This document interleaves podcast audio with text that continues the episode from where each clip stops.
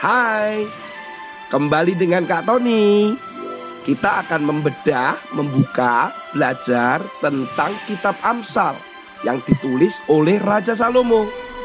Agar kita mendapatkan hikmat pengetahuan dalam menjalani kehidupan ini.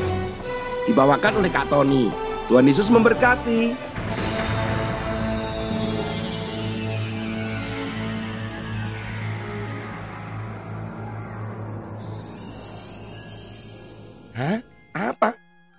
Mata babi dimasukkan di mata manusia?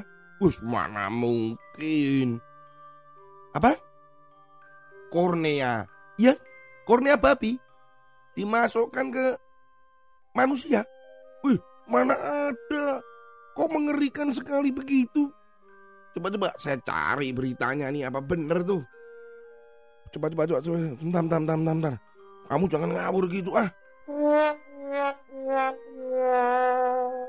Wih, anak-anak, ternyata betul ada berita beberapa waktu yang lalu bagaimana rumah sakit Union di Wuhan, Cina berhasil mentransplantasi mata manusia diganti dengan mata babi.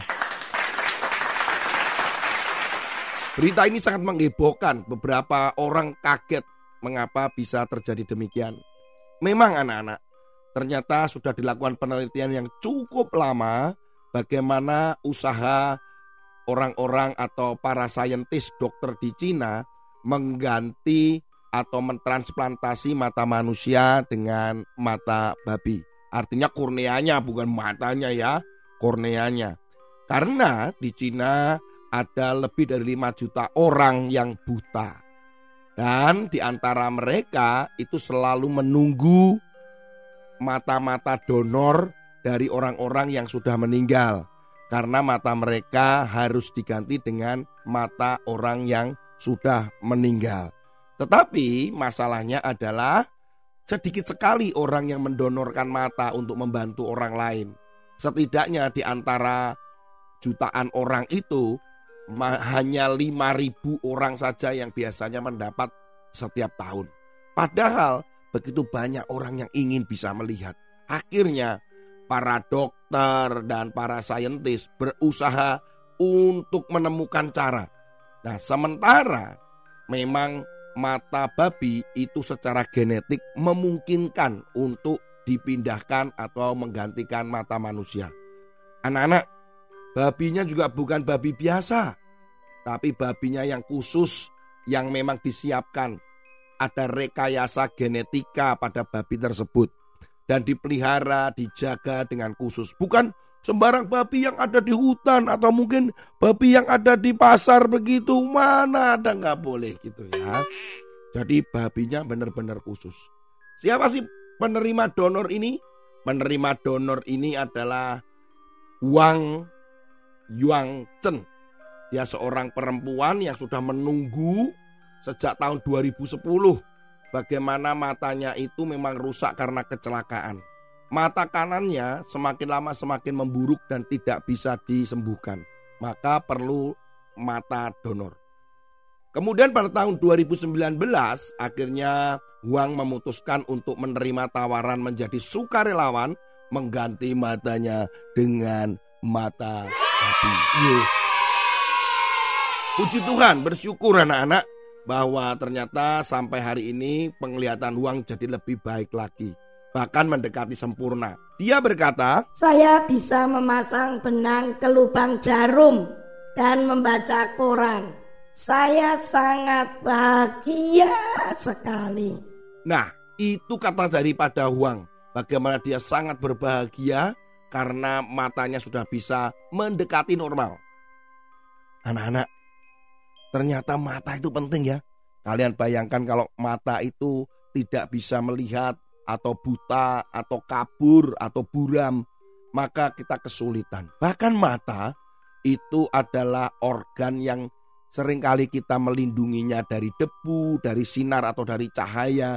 Kalau kita tidak melindunginya pun, secara otomatis nih, secara refleks, kelopak mata akan melindungi bola mata kita. Apabila ada debu, maka kita kadang sering kali menutup mata kita. Ada cahaya yang terlalu terang, silau, kita akan menutupi mata kita.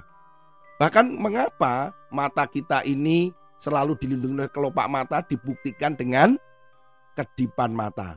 Ketika kelopak mata mengedip atau menutup, membuka lagi, ada cairan air mata di situ yang melumaskan. Dan itu demikian terjadi. Tuhan saja menciptakan tubuh kita dengan luar biasa. Bagaimana melindungi? Ah, kita juga demikian, kita melindungi mata kita. Eh, ngomong-ngomong tentang mata nih anak-anak. Kak Tony akan membacakan firman Tuhan dalam Amsal pasal yang ke-7 ayat 1 dan 2.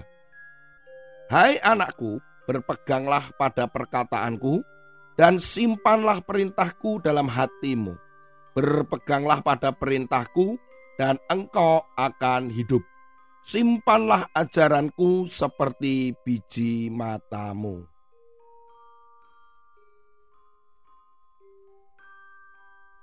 Nah, benar kan? Menyimpan firman Tuhan atau dikatakan simpanlah ajaranku seperti biji matamu. Kenapa sih Alkitab ini mengatakan tentang biji mata itu bukan hanya di sini. Tetapi Tuhan juga pernah berkata tentang kita. Kita ini dijaganya seperti biji matanya. Loh, artinya biji mata ini memang benar-benar penting. Nah kali ini Amsal menulis bahwa menyimpan firman itu seperti menyimpan biji mata kita. Itu disimpan supaya engkau hidup katanya, supaya kita bisa menjalani hidup ini. Anak-anak, ternyata di dunia ini begitu banyak godaan, begitu banyak ajaran yang kita harus hati-hati. Maka dari itu kita harus menyimpan firman itu. Kenapa sih kok di mata? Supaya kita melihat apa yang ada di depan kita itu dengan seperti yang Tuhan lihat. Kita bisa memandang seperti yang Tuhan pandang. Jadi, ketika Tuhan berkata seperti biji mata itu juga berarti bukan hanya melindungi atau menyimpan saja, tapi ketika kita melihat itu seperti yang Tuhan lihat. Coba bayangkan kalau kalian pakai kacamata, kacamatanya warnanya biru, maka kita juga akan melihat sekitar kita warnanya biru.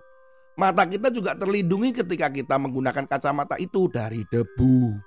Kalau kita menggunakan kacamata 3D atau tiga dimensi, maka kita melihat film atau tontonan yang kita lihat itu menjadi indah. Kenapa?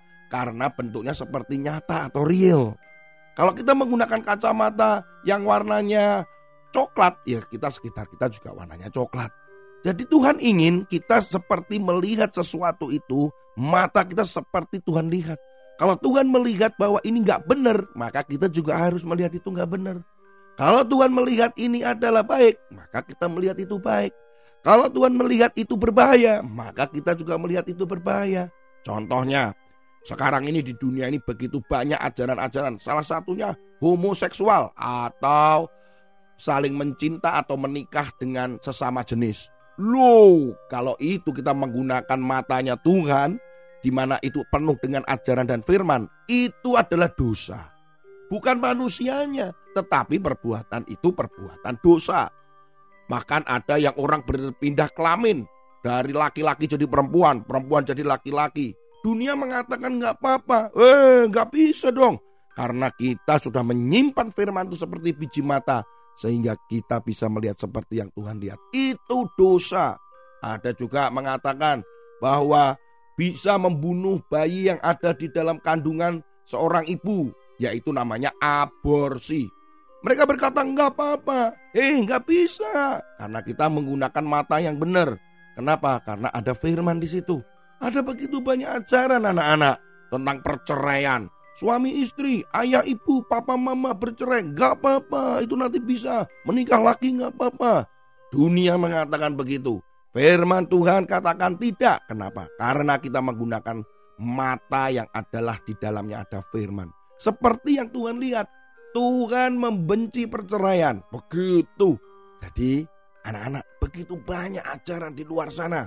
Sehingga kalau kita mau hidup benar-benar menyenangkan hati Tuhan kita menyimpan firman Tuhan itu di dalam hati, simpan itu di dalam pikiran kita supaya kita bisa hidup Dan itu menyimpannya seperti apa? Di dalam mata atau biji mata kita. Supaya kita bisa melihat apa yang seperti Tuhan lihat. Tuhan Yesus memberkati kalian.